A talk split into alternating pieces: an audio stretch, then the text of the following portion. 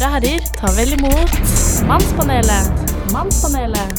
Mannspanelet. Uh, ja, da går båndet. Velkommen. Det er fredag igjen, og velkommen til en ny utgave av Mannspanelet. Det er altså en ukentlig podkast om temaer vi tror de aller fleste kjenner seg igjen i og kan relatere seg til. Og Vi har tidligere snakket om ensomhet, eh, forventninger, og sist uke så snakket vi om livsglede og energi i hverdagen. Og vi har fått en del fine tilbakemeldinger på denne episoden. Og det betyr selvfølgelig mye for oss som driver dette her. Det er jo veldig gøy. Um, og Mannspanelet deres det produseres av Guggen Media.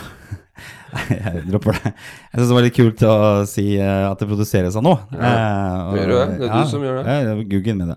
Kan ikke, jeg, kan ikke jeg få æren for det, da? Er Charter eh, Media.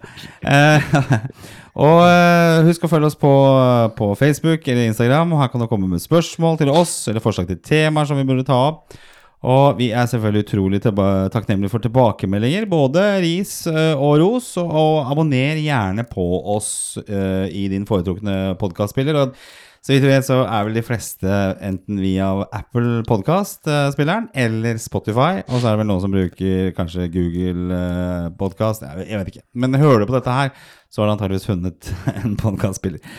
Eh, og så er det selve panelet. Eh, på min høyre side, eh, skrått over, så sitter en høy, kjekk fyr. Han har krøller, snakker med en sjarmerende dialekt som hører hjemme i Trøndelagsområdet. Han er tobarnsfar, han er gift, han er født eh, på 70-tallets siste år. Det vil si at han da er 41 år. Og eh, han er den eh, han, er, ja, eh, han er årets foredragsholder 2019 og er den av oss med skikkelig utdannelse. Han sover åtte timer hver natt og drikker kaffe. Eh, han drikker kaffe før klokka ni, men ikke etter. Vi snakker selvfølgelig om psykologspesialist Jan Martin Berge. Velkommen. Tusen takk. Og hva er en psykologspesialist, egentlig? Hva er det? Det er bare en som uh, har, har jobba minst fem år på ulike uh, plasser, og i tillegg har eh, kurs. Jeg tror det er kanskje sånn 120 timer kurs Oi. i løpet av fem år. ja, Og så i tillegg har veiledning med en spesialist. Så klinisk betyr at jeg driver med behandling, da, som klinisk spesialist. Og så arbeidspsykologi. Det er mer sånn at det for, handler om eh, det relaterte arbeidsliv, da. Ok, Så du er en ekspert uh, i denne sammenheng, kan man si da. Uh, uh, ja. Så det du uttaler om, det, det ligger det fagkompetanse bak. Ja. Klinisk er vel, fra meg som er interessert i fotball, så er det jo klinisk avslutning. Altså oppe i hjørnet, f.eks. Det, det er jo noe. Takk til deg. Og så over til mannen som de siste ukene kun har vært en stemme, og er også det i dag. eh, Men for en stemme det er. Han er født i Kristiansand, vokst opp i Kongsberg, på i Kongsberg. Men bosatt nå på hemmelig adresse i Heggedal sentrum i Asker. Han er kjent fra TV-programmer som Charterfeber, Farmen kjendis, Camp Culinaris, 71 grader nord og Skal vi danse. Og rollen som Bingo-bjørn i Hotell Cæsar. Velkommen til reality-kjendis Svein Østvik. Og Svein, hva Ja. er en reality-kjendis?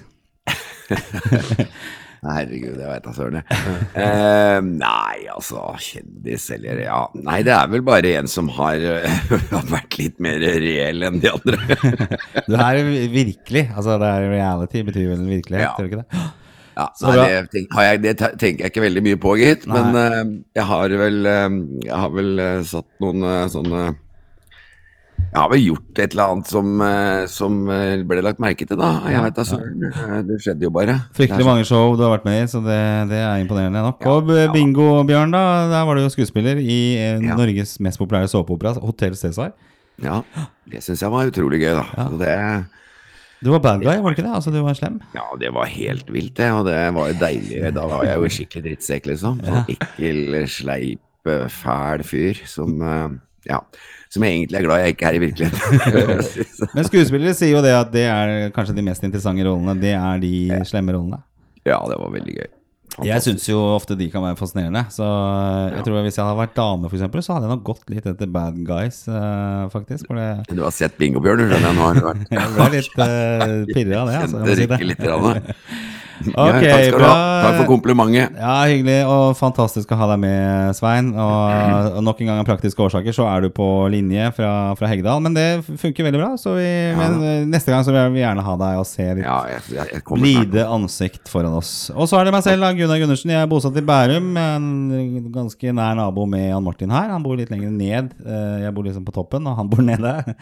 Eh, I rekkehus bor han, og jeg bor i enebolig. Jeg er fra østkanten, da, fra Oslo, men født på Lørenskog. Jeg er far til to, eh, på 14 og en på 15. Jobber i Quizappen Primetime, eier Dags som også er med oss i dag, Nelly. Og øh, driver denne podkasten fordi at jeg er jo en litt sånn forbaska hobbypsykolog med stor interesse, men liten kunnskap for det som beveger seg i menneskesinnet. Og øh, jeg er 46, og dette er siste sendinga som 46-åring. Neste uke er jeg 47. Så det begynner å dra på litt. grann. Eh, og apropos alder, jeg fikk en litt sånn uh, urovekkende mail her om dagen. Jeg, jeg håper det var en spam-mail som kom, men uh, det var fra Heidi Myhre.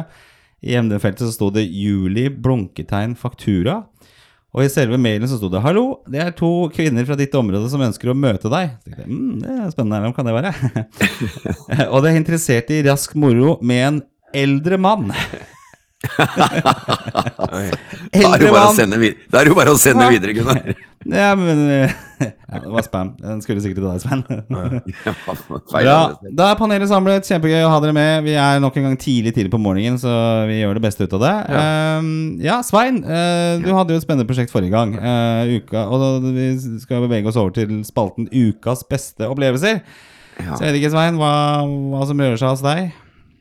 Det, er, det står mellom to forskjellige ting, egentlig.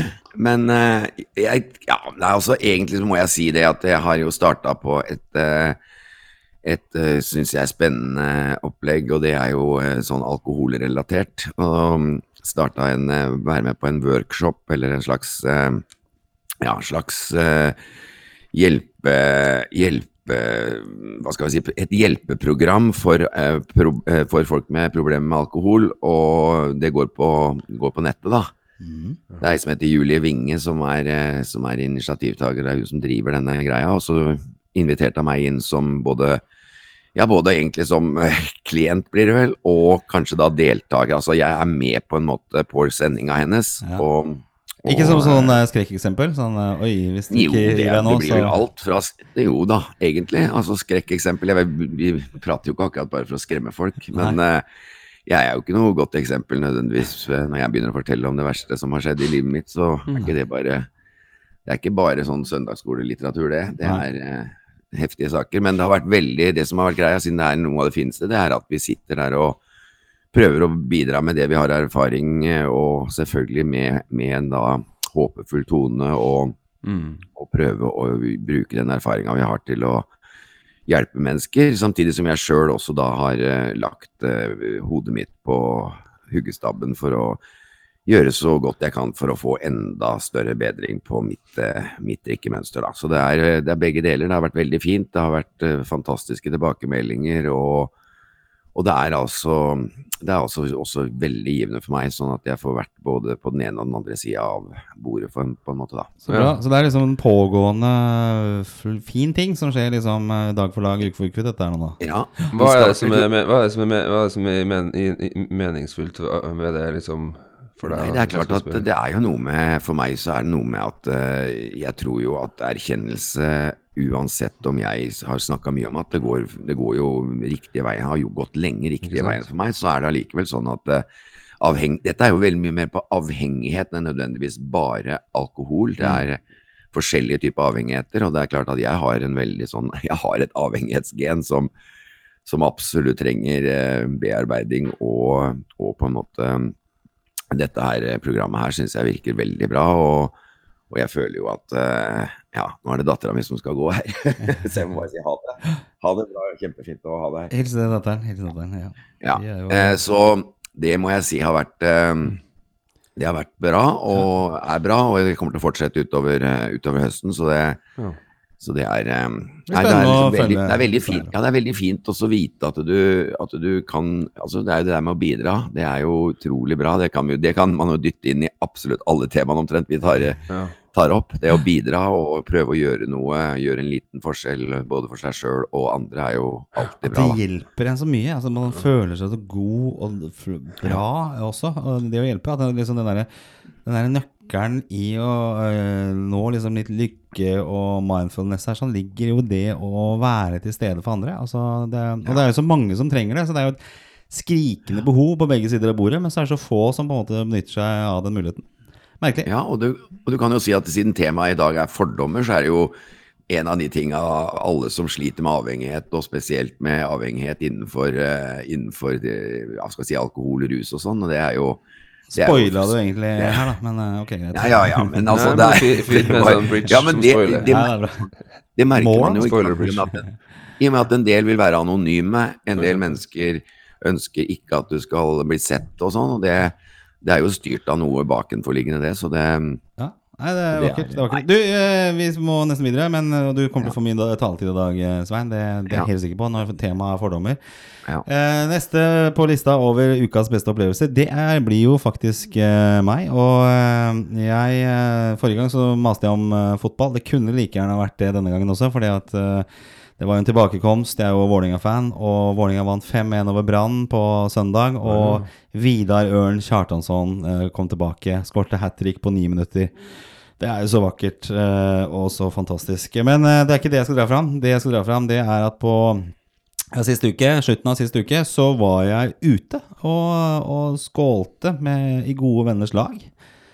Eh, og drakk og, og spiste mat, og det var ordentlig hyggelig å skravle og stå i. Og det er jo for så vidt ikke noe jeg har gjort så veldig mye av de siste siden 13.-14. mars. Så er det vært få tall av de. Ja. Så det føltes faktisk veldig bra. Og jeg var eh, fyllesjuk skikkelig dagen etterpå. Skikkelig òg, men det var veldig gøy. Ja. Så det er min ukas eh, beste. Og så og så Vålerenga-matchen på søndag. Ja. Du, Martin? er ja. du er velkommen på denne workshopen, da. Ja, Ja, ja. ja eh, jeg fikk faktisk en mail det hadde vært eh, kjempefint, Gunnar, om du også ble med på den workshopen. Bare jeg, da må jo til slutt jeg bli med, da. Ja, kanskje det. Ja, jeg har vel sikkert drukket mer enn jeg burde i løpet av livet også. I hvert fall den kvelden der. Eh, men det var litt morsomt, for jeg, jeg jobber jo denne primetime, og der får jeg en del mailer om produkter som folk ønsker å markedsføre.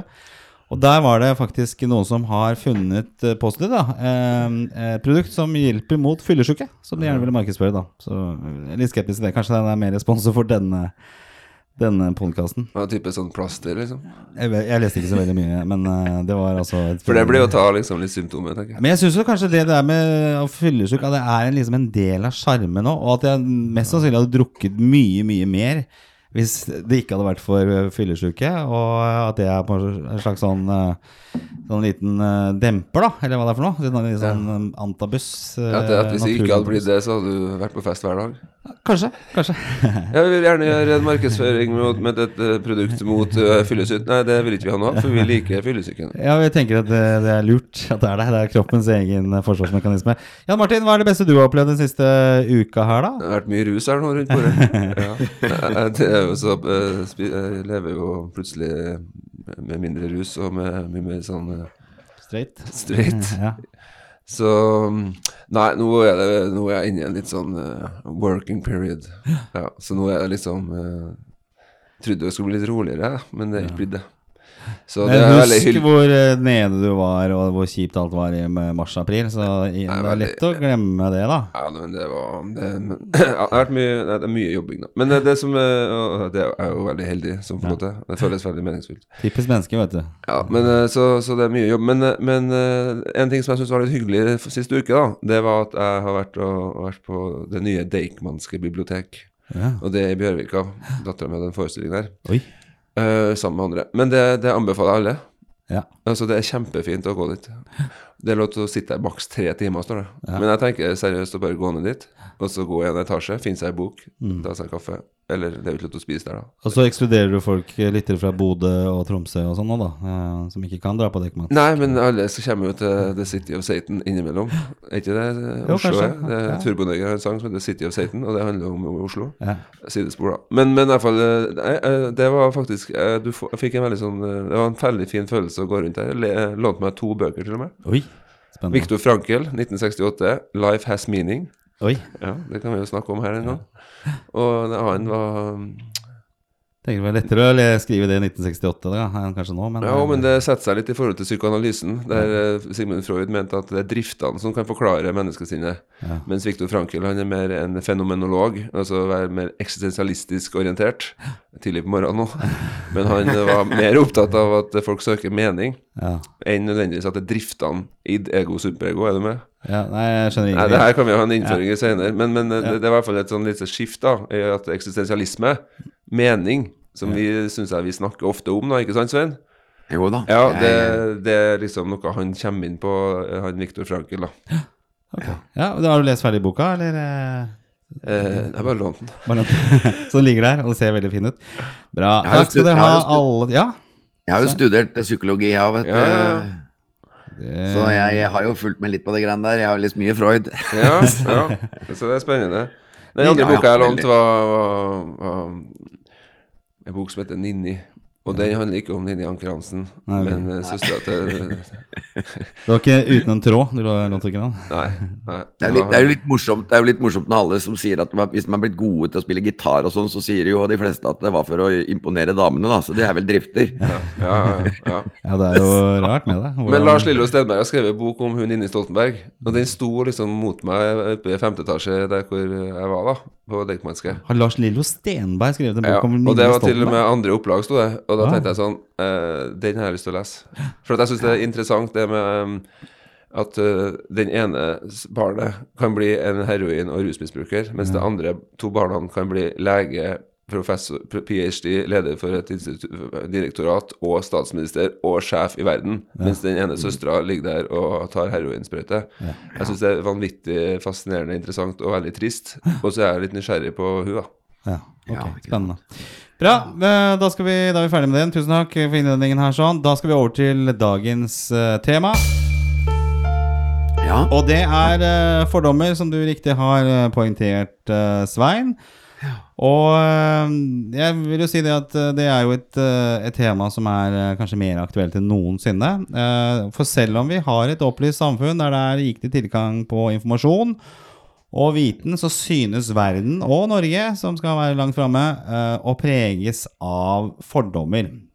Og hvis vi skal eh, se på definisjonen av fordommer, for jeg syns det var litt eh, interessant, så har jeg gått på dette stedet, som heter Wikipedia, der alt er riktig og sant som står. Men det som står her, virker i hvert fall ganske make sense. Altså Fordommer kan ofte være basert på mangelfull kunnskap. Fordomsfull holdning gjør en person disponibel til å uttrykke antipati overfor personer og menneskegrupper, men også ideer eller objekter. Begrepet brukes vanligvis i negativ beskrivelse av personer, eh, personers holdning basert på gruppetilhørighet. Eh, og jeg tenker vi skal prøve å følge litt på våre egne fordommer i dag. Og kanskje vi skal prøve å bevege oss litt mot hvordan vi kan jobbe mot disse fordommene, vi selv. Og hvordan vi skal takle folk som opptrer fordomsfullt, for det, det merker man jo. Ja. Eh, Svein, jeg har lyst til å Ja. spørre deg. Ja. Eh, jeg vet kanskje svaret da, men har du vært utsatt for mange fordommer selv? Som den fyren du er? Det tror jeg vel egentlig at jeg har. Ja, altså Du kan si noe av det som kanskje har vært liksom mest framme når det gjelder det, er jo, er jo dette med å bli satt i veldig bås. Da, hvis det, er, det har jo litt i samme gata å gjøre. Og det, mm. det kan du si at jeg har fått merke etter, etter at Charterfeber dukka opp, eller Chartersvein. Ja. At liksom eh, At det å på en måte bli gjenstand for at du på en måte ikke kan ha andre andre kvaliteter da, eller andre ting enn en det de folk har på en måte danna seg en oppfatning om. da. Og det er jo litt, det er jo på grensen til fordomsfullt. Altså liksom Ja. eh, At du føler på en måte at eh, de kan ikke ha altså mange, i hvert fall sånn følte jeg det litt i, i, i de første åra, i hvert fall. Da var det ganske tydelig at, eh, at eh, jeg ble stempla som en, eh, en gal mann som på en måte Eller sånn halvgal som, eh, som det ikke gikk an å bruke i noe annet enn innenfor det konseptet, liksom. Så da, Har du noen da var eksempler jeg vel på det, eller? antagelig utsatt for litt fordomsfullhet. At liksom du stemples, og stempling er jo fordommenes på en måte uttrykk. Ja.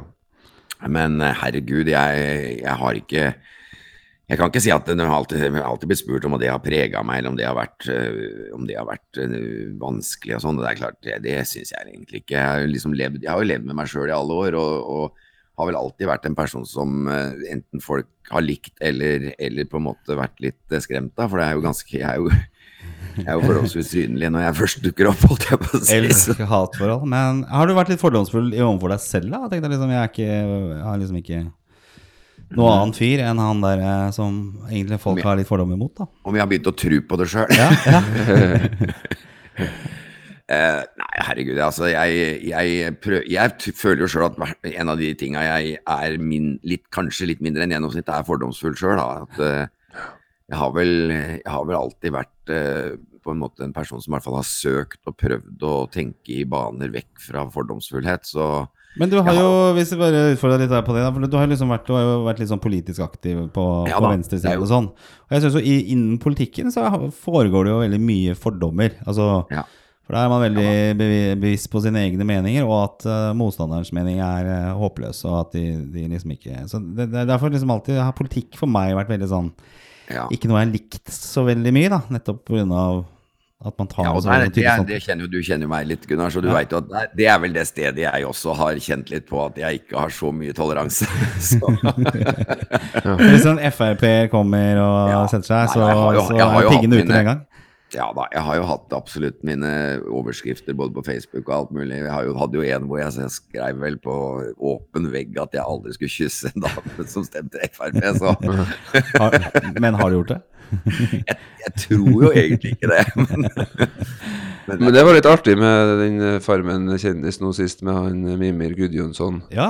Og så han Per Sandberg. ja. nei, han mente seg ut av Frp, Per Sandberg. Har han gjort det nå, ja? Men han var medlem da? Liberalene liberalisten. Det er et eksempel, eksempel på to som uh, har veldig store motsetninger i meninga, men som fant veldig godt ut av det sammen, på en måte. Jo, ja, ja, det er jo vakkert å se, for da er det For det, ofte så man, når man liksom legger bort de fordommene, da, så er det jo det at man er jo like, egentlig. Altså Man mener mye av det samme. Og innenfor politikk så blir det en del sånn staffasje. For det første at du har en politisk tilhørighet til en eller annen side. Og så er man ikke flink nok til å liksom gå- litt inn i dybden, og så er det kanskje så mer likheter enn en forskjeller, da. ja. Og, hvis jeg kan si litt sånn eh, Komme inn med litt uh, forskning her på morgenen, så, så er jo akkurat det, for dem, dem, dem to på Farmen de blir jo satt der til å på en måte egentlig samarbeide om et prosjekt. Ja. Og, og og det kan ofte være det som skal hindre og, og dempe eh, konflikter der grupper står mot hverandre pga. fordomsfullhet. Ja. Det var en, en fyr i USA da, som heter Sheriff, som tok og putta 11-12 år gamle barn på en sånn leir. Og på den sommerleiren så delte de de 11-12-åringene i helt, to helt tilfeldige grupper. Eh, Så den ene gruppa ble satt på ene delen av øya, den andre gruppa på den andre delen av øya. Og Så fikk de beskjed om at det er en konkurranse, og at den som vinner mellom de to gruppene, de får premie, mens taperen får ingen premie. Og det som skjedde da raskt, det var jo at eh, det forskerne kaller en inn-gruppe og en ut-gruppe. Vi er oss, og dem vi er gode, dem er dumme. Så begynte de å snakke stygt, hver- liksom kunne sende beskjeder til hverandre og begynte å sjikanere hverandre. Og forskerne måtte gå inn og stoppe dem, for de også også lyst til å være eh, eh, eh, voldelige mot hverandre. Så de måtte stoppe eh, guttene der, da, 11-12-åringer, for de hata jo etter hvert den andre gruppa. Og han har blitt kritisert for at disse guttene eh, liksom blir satt i en situasjon som er ganske sånn ubehagelig for dem i ettertid, for det er jo forskningsprosjekt. Men så tenkte han, hvordan kan jeg se om eh, For det, det, det, her er jo et eksempel på at man, blir ekstrem, eh, man kan få en inngruppe, som man føler seg en del av. Og så kan man få en utgruppe, dem som ikke er noe bra. Så man tillegger andre dårlige kvaliteter, og så tillegger man sine egne grupper gode kvaliteter. Og så tenkte han ja, skal vi sjekke om vi kan få dem til å bli mer, eh, litt mer samkjørt igjen. da. Så det han gjør da, at han sa at vi endrer betingelsene. Dere skal ikke ha en konkurranse. Nei, vi har noe felles prosjekt her som skal skapes på øya. Dere skal sammen samarbeide om det, disse prosjektene midt på øya. Og det som skjedde da, at det var mindre fordomsfullhet, mindre inngruppe og utgruppe, og mer fellesskap og jobbe mot felles mål. Så den teorien her som kom på 60-tallet om, om han eh, Jeg husker ikke hva han het, han het, het eh, Mossar Sherif. Ja. Så uh, han, han, han har liksom et sånn viktig perspektiv på det med hvordan fordommer skapes i grupper, men også litt sånn et forslag til hvordan konflikter kan løses mellom grupper. da. Ja. Så, og det er jo det, Per Sandberg og Mimmi var litt sånn Ja, men vi må jo, vi må forholde oss til hverandre her, så får vi se hva, hva, hva, hva vi finner. Men det er ikke det som burde ha skjedd. Så liksom eh, USA nå som er veldig splitta fordi du har en leder som på en måte ikke maner til noe samarbeid, og så blir det veldig splitta, og da til all sannsynlighet svært mye fordommer på, på begge sider. Mens f.eks. i norsk, eh, mens vi er innom politikk, da. I Norge, hvor regjeringen eh, har vært mye mer edruelig og manet til samarbeid og fellesskap, så, så har jo på en måte disse politiske meningsskiftene da blitt så mye mindre i denne tiden vi har vært inne i nå. eh, og kanskje viser litt den forskningen som du snakker om, da, Jan Martin. At eh, hvis du liksom gir et felles prosjekt, og du maner til fellesskapsfølelse, så, så forsvinner en del av de fordommene. Det er det som er teorien, og så det som er så sinnssykt vanskelig i praksis. da. Ja, det er det. Ja. Hvilke fordommer har du, eh, Svein? Altså, du sier at du ikke er fordomsfull, men har du Nei, noen? men, nei, men altså, jeg synes jo at altså, det er eh, det der med uvitenhet og det med og på en måte, som man sier, når, når man gjør noe sammen og begynner å bli kjent med folk, ikke sant? Eller kjent med de man på en måte oppi hodet sitt eller i, i tankesystemet har gjort til, eh, til dårlige personer, når man, når man plutselig møter og ser hva skal si, handlingsmønstre og og, og får oppleve det på nært hold, og, og, du tar, og du får litt innpass i følelseslivet og, sånn, og blir kjent med det, det man på en måte har fordommer mot, så har det en tendens til å forandre seg veldig. Det kan nesten snus, Ikke sant? snus helt, ikke sant? Og det er noe med at jeg tror jo at det å ha antipatier og, og på en måte komme inn i en sånn verden hvor man finner syndebukker og finner noe å legge ting på, så stammer det jo fra noe annet. Det stammer på, på en måte fra, fra noe Det å på en måte ha noe å plassere sine egne hva skal vi si, sin egen, sin egen sinne, sin egen frykt, sin egen problematikk. da, At man, får finne, man må finne knagger og plassere det man ikke helt klarer å leve med, med i seg selv. Og det, og det er bakgrunnen for at det blir fordomsfullhet. sånn at det er noe med å hele tiden på en måte være på søken. Så, og du ser det jo da i det Jeg har også møtt mennesker som jeg, som jeg på en måte i tankesystemet mitt har gjort til slags fiender. For eksempel da som vi Frp, så møtte jeg jo Per Sandberg og kona, og så ble jeg plutselig sittende og drikke med dem istedenfor noen andre, for det var kulere, liksom. da følte jeg meg jo egentlig dum. Men det ble jo sannheten, ikke sant. Det var, for det var en bra kjemi, og det var, det var en bra energi mellom oss, da. Ja. Så, så det er jo mange sånne opplevelser av å se at det egentlig stammer fra noe annet enn den, de tankene og de antipatiene du har, eh, du har bygd opp eller dikta opp. Eller... Jeg får bare avbryte litt der, eh, Svein, vi skal ikke avbryte hverandre for mye. Men akkurat det, for- dette med fordommer bygger jo på kunnskap.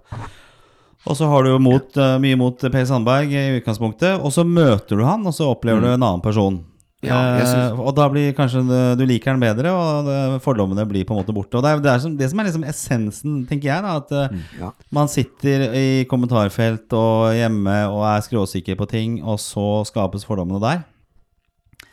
Ja, altså det skapes jo Jeg mener jo kanskje at det der det er jo psykolog, Vi har jo psykolog i studio, så det er klart at han han er jo sikkert også litt opptatt av sånne ting. At det, vi har ikke sant, vi, vi, Altså samfunn og problematikker i samfunnet og sånn ellers, det, det mener jo jeg mye stammer fra indre konflikter man har i, i, som personligheter, da, eller som mennesker. Og at vi da projiserer det ut, ikke sant. Og så blir det en mer felles greie. For eh, det er klart, det er jo ikke normalt å ha antipati mot noe man ikke vet noe om. Altså det, er jo, det er jo ikke noe logikk i at du skal liksom tenke og ha på en måte en slags frykt eller en slags stempling av noe som du ikke vet noe om. Det er jo helt urealistisk, eller det er helt surrealistisk. Så det er liksom noe med at vi, vi har det i oss, og så finner man da finner man da ofre for det man sjøl har av behov. Vi har jo mange måter. Jeg driver med avhengighet og driver med ting. og og har drevet med og har på en måte slitt med det hele livet. Og det, det, det er jo på en måte noe av det samme. At, eh, at liksom du, har, du, har, du har et behov for å gjøre noe med følelser du ikke helt mestrer. Ja. Og at der ligger det da en grobunn for fordommer, og det ligger en grobunn for avhengighet, og det ligger en grobunn fra å flykte fra, fra det du ikke mestrer. Og, det, og en av de måtene vi gjør det på, er bl.a. å ha antipati mot noe. Så kan, har man noe å bruke bruke sin indre konflikt eh, på, da, så man kan på en Ja. måte fjerne det fra sitt eget følelsesliv og mer legge skylda eller eh, finne Over på noen andre, ja. Hva- hva- ja det er jo et- et- dette her, da? Ja, nei, det er jo ett perspektiv. Men, men kan ikke det være litt sånn at, at av og til oppstår fordommer pga. Altså, en ting er mangelfull kunnskap, og det er ofte litt sånn. Eh, Men også for noen er det litt sånn frykt for det ukjente. Ja. Jo, jo. Altså, og, Men så- og så- ukjent er jo fordi at man ikke vet noe om det. Ja, for eksempel, ja. Ja. Og, og da er det sånn at uh, vi har en tendens da, uh, av og til til å finne Når du ser på verden, da, så har vi en tendens til å finne bekreftelser på det vi antar. Ja. Mm. Uh, alle mørke er Jeg kjenner ingen mørke menn. Det kan mange unge hvite gutter i Bærum tenke. Mørke må vi liksom være litt forsiktige med, for at vi ikke kjenner dem.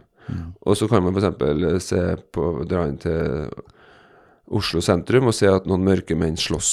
Å ja, de er mer voldelige enn oss hvite gutter fra Bærum. Ja. Da får du bekrefta det du tror om at mørke menn er mer voldelige enn hvite gutter fra Bærum. Ja. Slik at ø, den bekreftelsestanken, da Vi har liksom søket etter å bekrefte det vi tror. Den er kjempeskummel. Fordi at det kan være med på at vi blir mer ekstreme. Ja. Så for eksempel i går da, så var jeg og henta sønnen min dritsent. Var, I går var jeg en god far. Ja. Jeg var hentet han, han har fått sin første eh, forslag til kontrakt med et sånt lag eh, å spille Fortnite. Oi. Uh, jeg kan ikke så mye om Fortnite, men jeg ser at han blir veldig glad når han blir tilbudt en kontrakt. Du har ikke noen fordommer mot å spille Gamere? jo, jo, det har jeg jo. Jeg har masse fordommer. Det, det, men det som er viktig med fordommer, er jo at man kjenner til sine egne fordommer. Ja. Det er ikke farlig å ha fordommer. Men Så da kjørte jeg til Kongsberg, faktisk. Å ja, såpass, ja. For første gang på lenge. Og henta han klokka halv ti i går kveld. Men kan han bli rik av dette, eller? Det vet jeg ikke. Men eh, det er ikke det som er poenget. Poenget er at der var det en En kebabsjappe som het Libanon Kebab Safari eller sånt. Og der gikk vi inn. Ja. Og du skulle sett de to guttene jeg henta fra Bærum, de var ganske sånn Vi kan gå ut herfra. For der var det ganske mørkt. Og så begynte jeg å snakke med han, eh, så tenkte jeg nå må jeg bare Hvordan går det? Er du Liban? Ja. Er du fra Beirut? Ja. Hvordan er det i Beirut nå? Og så begynte han å snakke. Og, og vi hadde en kjempe Han var veldig fortvila. Han hadde søsken, han, hadde, han prøvde å sende penger. Det har vært bombe der. Det er helt krise. Beirut har vært en flott by. Det har vært helt fantastisk. Det er jo bra uteliv der, visstnok. Det har vært mye bra. Ja, vært, ja. Men tilliten til regjeringa er så svak, svekka, og det har vært en bombe der nå. Det har bare helt destabilisert. Poenget med å prøve å, å, å være litt nysgjerrig på han, var at jeg og han fikk jo en kjempegod samtale. Og så så jeg at de guttene fra Bærum, hvite gutter, som jeg, jeg tror er redd, da. Ja. De, det er ikke bare når vi er på ferie i Syden vi må snakke med utlendinger. Vi må snakke med dem når vi møter dem på gata. Vi må snakke med dem når vi venter på en kebab. Prøv å være nysgjerrig, da. For det gjorde jo at, at vi kan korrigere den stereotypien. da For stereotypier henger også sammen med det her. At vi danner oss et grunnlag av en gruppe basert på noen tanker vi har sjøl. Så det er egentlig et sånn kjempeviktig tema, for at det her er jo bare når vi ser rundt oss, eh, så, så er det et eh, Fordommer det er en helt menneskelig ting å ha. Men jeg tror det er viktig at vi eh, liksom, er litt bevisst på hvilke for, fordommer vi har, da, rett og slett. Jeg har masse fordommer, altså. Jeg, Herlighet. også, jeg har jo jeg har jo én uh, fordom spesielt, og det er jo mot, uh, eh, mot folk, altså spesielt kvinner, som har da oh, Det er bra å si. Ja, men hør da. Hør da. Som har eh, disse gipsbokstavene hvor det står liksom home og love, som er liksom stående i, i hylla. Eh, der har jeg mye fordommer. Og det er gjerne de som også legger ut sånn livsvisdom på internett og har kanskje tatovert sånn Carpe Diem på underarmen. eh, og så eh, og Hva så er fordommen, da? Nei, hva tenker, hva tenker nei, du om det? Altså, det jeg tenker at uh, de, Nå beskriver du egentlig dem jeg tenner på, da. de, bor, de bor ikke i Oslo-området? Tenner på sånn Nei, de bor ikke i Oslo-området. Og de er, bor kanskje liksom nær Gardermoen eller forbi Drammen, Kongsberg kanskje? Nei, ok. Eh, kanskje litt sånn lavinntektsjobb, da. At de har vært i en relasjon med en voldelig eh, Eller kanskje er det fortsatt. Eh, ektemann som er litt alkoholisert og kanskje kjører lastebil for den saks skyld. Altså drikker Pepsi Max, eh, tenker jeg. Ser på Åndenes makt. Eh, at de kanskje bare lager mat fra pose og har campingvogn et eller annet sted. Og de kanskje har litt overvektige barn. og De går med crocs. Det er liksom sånne forhold. Fy er. fader, nå, nå, nå, nå er det ikke mye igjen av deg, Gunnar. Nei, men, nei, nei, men jeg tenker, jeg, jeg tenker det. Og det er, det er jo snakk om det med f.eks. Uh, utlendinger, rusmisbrukere altså det, er, det er mange fordommer man har. Men så Man tenker Sett folk i bås, og i den båsen så er det masse Da er det crocs og alt mulig. ja, men du høre konklusjonen her. men jeg kjenner jo ingen som har home eller low stående i, i bokhylla. Jeg, jeg, har bare liksom Jeg tror jeg har sett det liksom på Luksusfellen, jeg har sett det litt på disse reality-programmene som jeg har, kikka på, og så har jeg liksom fått fordommene derfra, da. Men jeg, jeg kjenner jo ingen av de. Jeg har har ikke noe oversikt over det. Så derfor så har jeg egentlig ikke noen grunn til å uttale meg om det. Om de går i crocs, eller om de gjør det ene eller andre. Nei, nei. så det, det er jo mitt hovedpoeng her, da. At uh, når du ikke har kunnskap om det uh, Også når du, hvis det er folk, først som er i den situasjonen her, da, så må de begynne å analysere. Ok, hvorfor er de sånn som de er? Altså Hva er det som er grunnen til det? Ikke liksom bare avfeie det som en idiot, eller ja, liksom ha disse fordomsfulle tankene. Man må også prøve å forstå hvordan folk er. Eh, og da går jeg liksom over på Jeg, tenker for deg, da, eh, Jan Martin. Når du skal behandle en person for sine utfordringer, så tror jeg vel ofte kan være litt sånn eh, noen ganske like mønstre som gjør at også for deg kan det være lett å havne i sånn litt sånn fordomsfull bås, da. Ok, ja, det er den kategorien der, og så tenker du deretter. Altså, skjer det, og hvordan jobber du på en måte mot det? Jo, for det, det er jo det som Det er jo helt menneskelig at det kan skje, men det er derfor det er så viktig å vite om at det kan skje. For da er det mindre sjanse at det skjer. Fordi at man eh, rett og slett eh, har kunnskap om det. Ja. Så, så Men- ja, Hva tenker du, Svein? At, ja. Nei, altså jeg syns det du snakka litt om i stad, sånn eh, det der med å, å være nysgjerrig, på en måte. Altså, ikke sant? Å kunne ta en prat i, som du sier, kebabkøen eller hvor som helst, hvor du på en måte møter annerledeshet og, det. og da mørkhuda eh, andre kulturer. At du istedenfor å alltid skygge unna, da er det jo på en måte fordom som styrer deg i møtet. Nettopp. Og det er, jo vel, det er jo den måten man kan gjøre både samfunn og, og på en måte disse, denne polariserte måten å tenke på, og gjøre en forandring på det, det er jo å være, i- ha litt mer overskudd. Altså liksom, det liksom Når vi snakker om forskjellige sånne temaer, så for meg så blir ofte mange ting styrt av veldig mye av det samme. Ja. Altså, liksom, Med en gang du blir en person som, som lurer på hvorfor du har disse antipatiene, for eksempel, hvis du begynner å lure på det, så blir det plutselig så blir noe av antipatien borte allerede med en gang du begynner å lure på hvorfor du har det. Så liksom, Hvorfor er vi ikke mer nysgjerrig på å, å forandre litt på et mønster som vi på en måte et sted skjønner er litt gærent? Sant? For det er klart det er ikke normalt å fly rundt og ha massevis av antipatier og, og klare å bli så fyr og flamme gæren på, på massevis av hva skal vi si annerledeshet eller ting som ikke Altså jobber som er annerledes, istedenfor å tenke at det, kan det være noe eksempel hvis jeg tenker på en jobb, da, så tenker jeg kanskje at det må være en kjedelig jobb. Men jeg, men jeg prøver å unngå å stemple et menneske som jobber i den jobben. ja, det er det. Altså det er noe med at eh, liksom det er, det er så rart at vi liksom blir så personlige og blir så og blir egentlig litt stemplende av, av mennesker og av grupper og av, av alle disse tingene. Det er veldig rart at vi ikke isteden uh, får lyst til å, å finne løsninger. Men tror du ikke at det er lettere å bare dele inn verden i svart, god og dårlig, svart Ja. eller hvitt? At det er mye enklere? Slippe å bruke så mye tid på det? Ja. Og Ah, du er sånn, ja. Da har jeg puttet deg i det båsen her. bruker- Hva er det vi bruker tida på, liksom? Altså, vi bruker tida på å ligge på sofaen og zappe på TV-en og Og putte folk i bås? Ja. Så liksom, det er rart altså vi, skulle, vi må få, et, vi må få en, en trend som er mer enn at vi er mer nysgjerrige på ting. Vi må Ja. være mer, At livet blir mer innholdsrikt istedenfor at det blir bare å dope oss vekk fra det. Og det er jo det jeg driver med også når jeg er på disse alkoholgreiene. At, det, Ja. at vi tenker hvordan kan vi finne mer kreative løsninger når triggeren til dopet, og det kan jo være alt fra zappe, måtte lese avisen, måtte følge med på nyhetene, måtte gå på trening, måtte gå, må gå på det, må gjøre alle disse tingene. Ja. Og må gjøre det kontinuerlig for å på en måte ha et liv. Ja. I stedet for å kanskje tenke at å være til stede i nu og klare å mestre tingene og være nysgjerrig og være kreativ i hodet, og sånn, at, at det kan bli mer, mer tråden, da. Eller, eller det vi søker etter. Det hadde vært utrolig deilig, tror jeg. Jeg tror det har vært veldig bra, og så tror jeg også det er litt mer krevende for folk. Ja, at det er krevende er jo en, det er jo en grunn til at vi velger andre løsninger der. Men har, jeg har jo vært så frimodig her, da. Så, jeg, altså jeg satte opp en liten liste over de tingene som jeg mener kan være lurt å tenke på og, og handle etter uh, i forhold til det å være fordomsfull. Altså, for det første så må du jo erkjenne at du er fordomsfull. For det er jo sikkert mange som er det, men som ikke vil uh, innse det, da. Ikke sant? Altså, nei, jeg er ikke fordomsfull, det er bare fakta, dette. Nå er det jo ekstremt mye fokus på hva som er fakta, hva som ikke er fakta.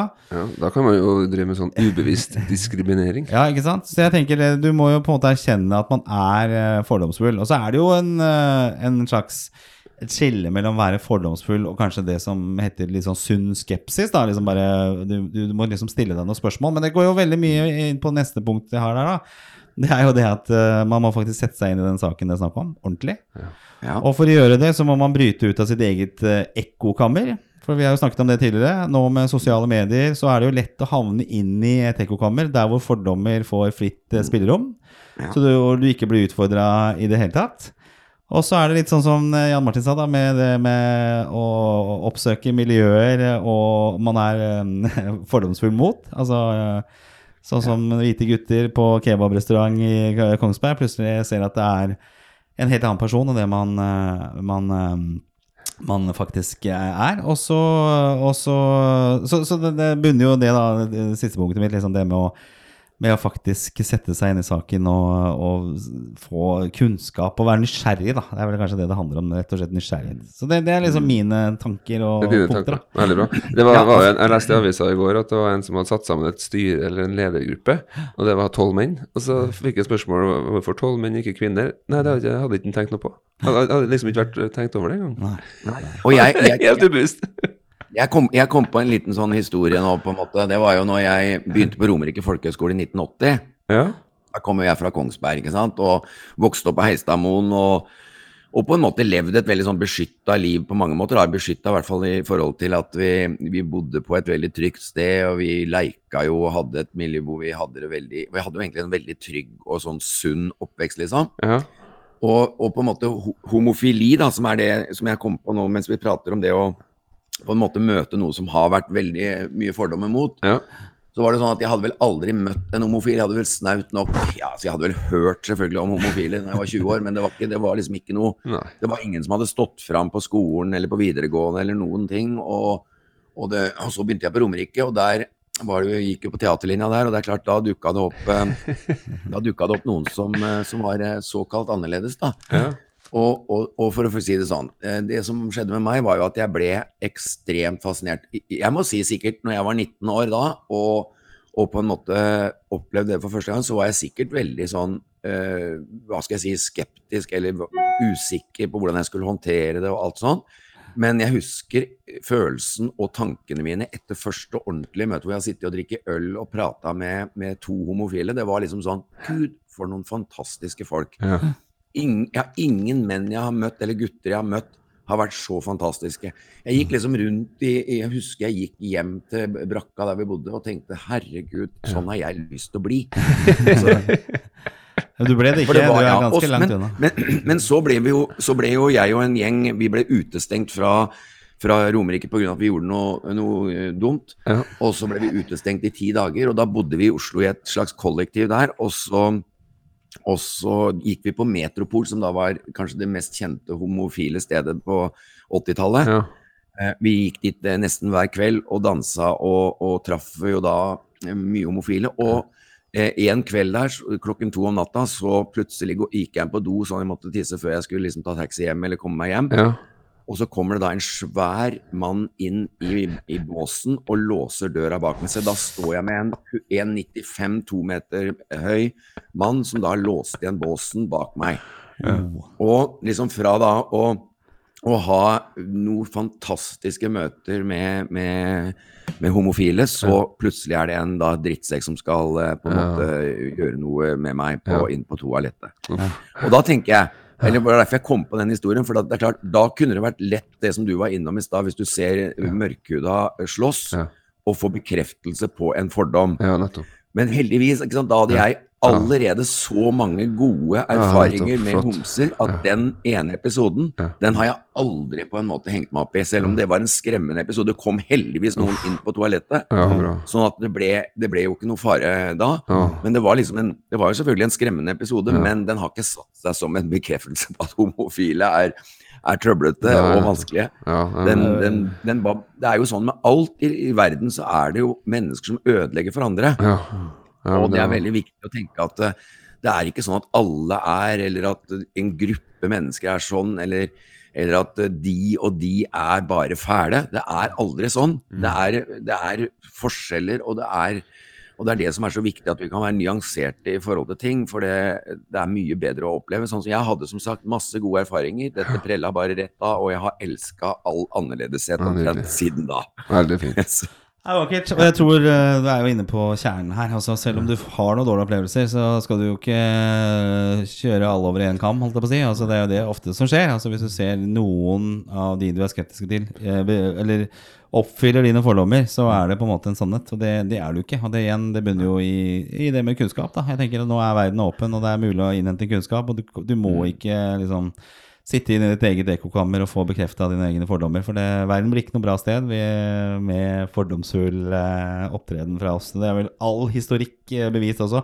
Vi begynner å nærme oss slutten. Eh, har vi noen konklusjon på dette her? Altså ikke vær fordomsfull? Er det, skal vi rett og slett si det? Men, eh, ja, men på, eh, du sa innhente kunnskap. Da vil jeg si innhent kunnskap eh, som kanskje avkrefter det du tror. Jeg har, eh, vi har tidligere episoder snakket om eh, eh, Apropos det, jeg bare anbefaler en tidligere episode som jeg har laget i denne podcastserien, som handler om islam.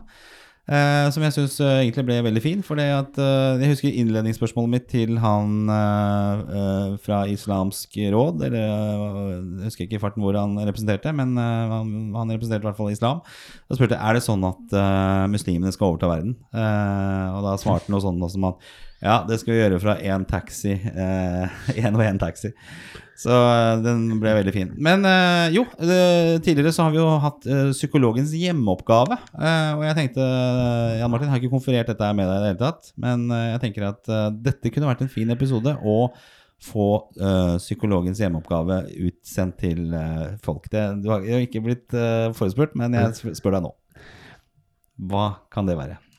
Eh, nei, hvis vi bygger litt på det Svein eh, så fint eh, er opptatt av, det med å vise litt nysgjerrighet, Ja. så kunne man jo gitt seg sjøl en oppgave neste uke. Og hvis du skulle vært Og jeg er litt fan av å være konkret, da. Ja. Hvis du skulle ha gitt deg en, selv oppgave, en, en oppgave selv i forhold til å skulle være å lære litt om deg selv, da, Ja. så kan det være liksom å prøve å utfordre litt én fordom du har, da, ved å være litt nysgjerrig. Bra. Mm. Så Ja. da må man først tenke Har jeg noen fordommer? Ja, det har jeg. Ok, jeg er litt nysgjerrig på akkurat den fordommen. Ja. Uh, For eksempel uh, De home-bokstavene, for eksempel. Altså, jeg må oppsøke noen som har en home. Ja, du må jo begynne å spørre folk, da. Har, Ja. du, har du sånn uh, gipsskilt hjem? Ja. Ja. Oh, ja, ja. Og så og liksom kanskje Passer det i kveld at jeg kommer innom? Nei, men du skal jo liksom Det kan jo være at Jeg kan ta med egen Pepsi Max. Ja, nei, men det kunne vært i hvert fall å utfordre seg sjøl litt på hvilke fordommer man har, da, og så prøve å være litt nysgjerrig på om det faktisk er, det mulig å, å innhente noe kunnskap som kanskje som ikke verifiserer, altså noe som ikke bekrefter det, på en måte. Ja, ok. Ja. Ja. Men vi tar den, eh, den eh, hjemmeoppgaven nye, Svein, gjør vi ikke det? Jo, altså jeg må jo si at avslutningsvis har jeg lyst til å si at også, også mennesker som tør å gå egne veier, som kanskje har evnen til å på en måte tenke sjæl og, og på en måte ha veldig engasjement for på en måte å vise at de går ut av flokken. Det er jo selvfølgelig annerledes. Men altså, nå tenker jeg kanskje nesten innen jobb og innen, innen det å, å på en måte finne veier som er smarte, at det også er fordomsfullhet rundt, rett og slett. Altså, Ja, ja. At det, er veldig close to misunnelse. Ja, ja, At- janteloven Ja, at det også er noe vi burde ha vært innom i dette programmet. Ja, men det må vi ta opp. Og nå tenker Ja. jeg på Birgit Skarstein i Skal vi danse. Altså det Forrige uke hun var med og dansa, gjorde det fantastisk. Har fått masse sånne eh, dan Sitter i rullestol, kan ikke danse. Jeg, jeg, jeg skjønner Det et ikke det. Hvem er det som Ja. gjør det der? Altså, er det, er det de, Er det de med home i Nå hylla? begynner du, du må ikke, være, du må ikke svare fordomsfullhet med fordomsfullhet. nei, nei, nei, nei, ok. For det, det provoserer meg noe vanvittig. Det Og det å lykkes og det å om Hun lykkes- sitter i rullestol. Ja, Ja, og, og og også, også en annen ting. altså det, Dette med å, mennesker som lykkes. ikke sant, Jantelov og fordommer er jo veldig knytta til hverandre. ikke sant, Folk som lykkes, får masse pepper. Eh, De, de som har lykkes mest i verden, sier jo at eh, så lenge de var så lenge de var på en måte litt suksessrike, så var det, så var det spennende. Og så, og så, når de begynte å virkelig å lykkes, så ble de, så ble de eh, forhatt så det holdt. Og det var først når de ble så rike at de kunne, at de kunne kjøpe halve verden, at de på en måte fikk fred. Ja, Altså. Ja. Ja. Men jeg er nysgjerrig på det. Ja. og... Er jo en vanskelig greie. Ja, kjempebra. Svein, tusen takk eh, for deg, og Jan Martin også. Kjempefint. Da har vi fått en hjemme, hjemmeoppgave. Fordommer har altså vært dagens tema i sendinga. Jeg vet ikke om vi har eh, løst noe for noen, men vi har i hvert fall satt eh, ord på en del ting som jeg syns har vært eh, fint. Og, og fordommer er noe vi som jeg tror er grunnleggende i samfunnet, som vi må jobbe mot. Og det er lett her oppe i Norge f.eks. å sitte på en høy hest og, og skue utover og ha for, masse fordommer, men uh, det er noe vi må jobbe mot.